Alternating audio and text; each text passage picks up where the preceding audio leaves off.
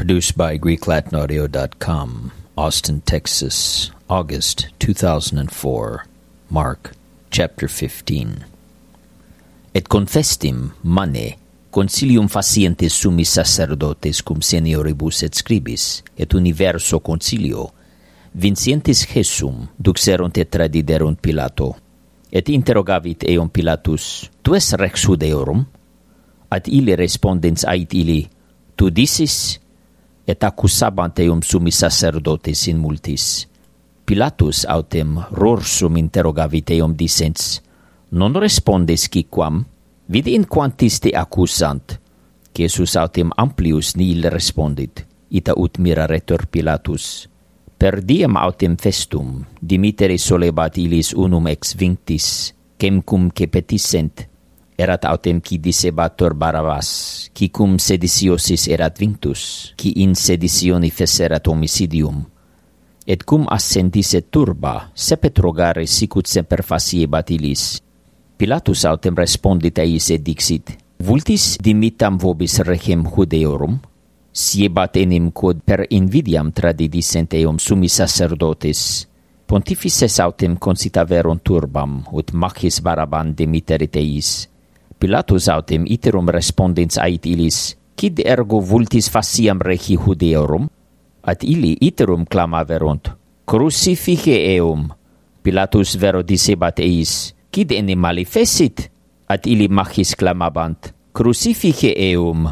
Pilatus autem volens populus satisfacere, dimisit illis Baraban, et tradidit Jesum flagellis sesum, ut crucifigeretur milites autem duxerunt eum in atrium praetorii, et convocant totum cohortem, et induunt eum purpura, et imponunt ei plectentes spineam coronam, et seperunt salutari eum, ave rex judeorum, et percutiebant caput ejus harundine, et conspuebant eum, et ponentis genua adorabant eum, et postquam in lucerunt ei, exuerunt ilum purpura, et induerunt eum vestimenti suis, et educunt ilum, ut crucificerent eum.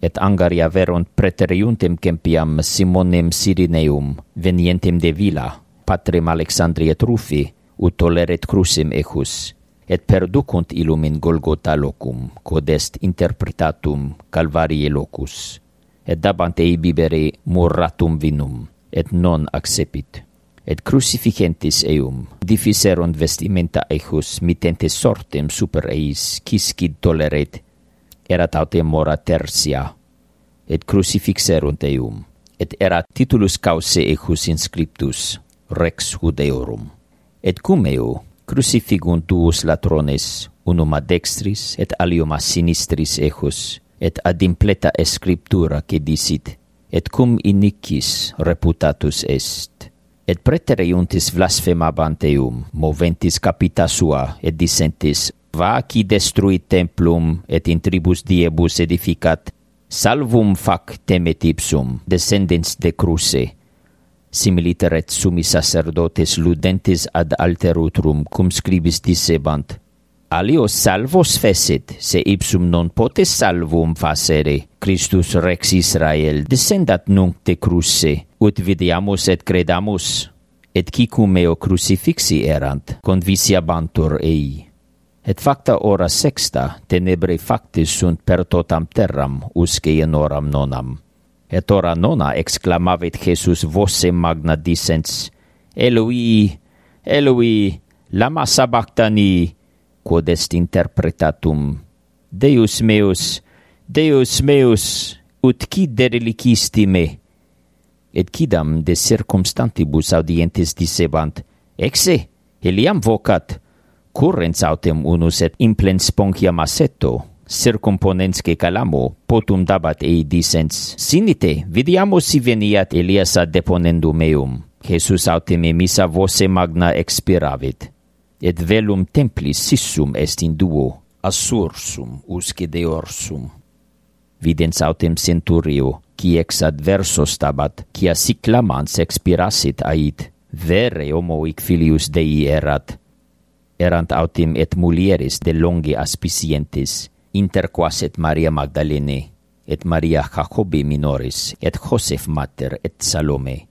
Et cum esset in Galilea secebantur eum, et ministrabant ei, et alie multe, che simul cum eo ascenderant Hierosolima, et cum iam sero esset factum, quia erat paraseve, quod est ante sabbatum, venet Joseph ab Arimatia, nobilis decurio, qui et ipse erat expectans regnum Dei, et audacter introit ad Pilatum, et petit corpus Jesu.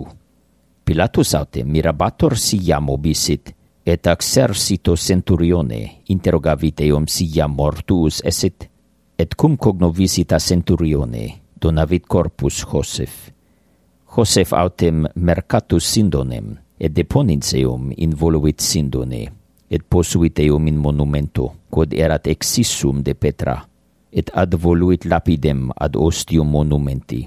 Maria autem Magdalene et Maria Josef aspiciebant ubi ponderetur.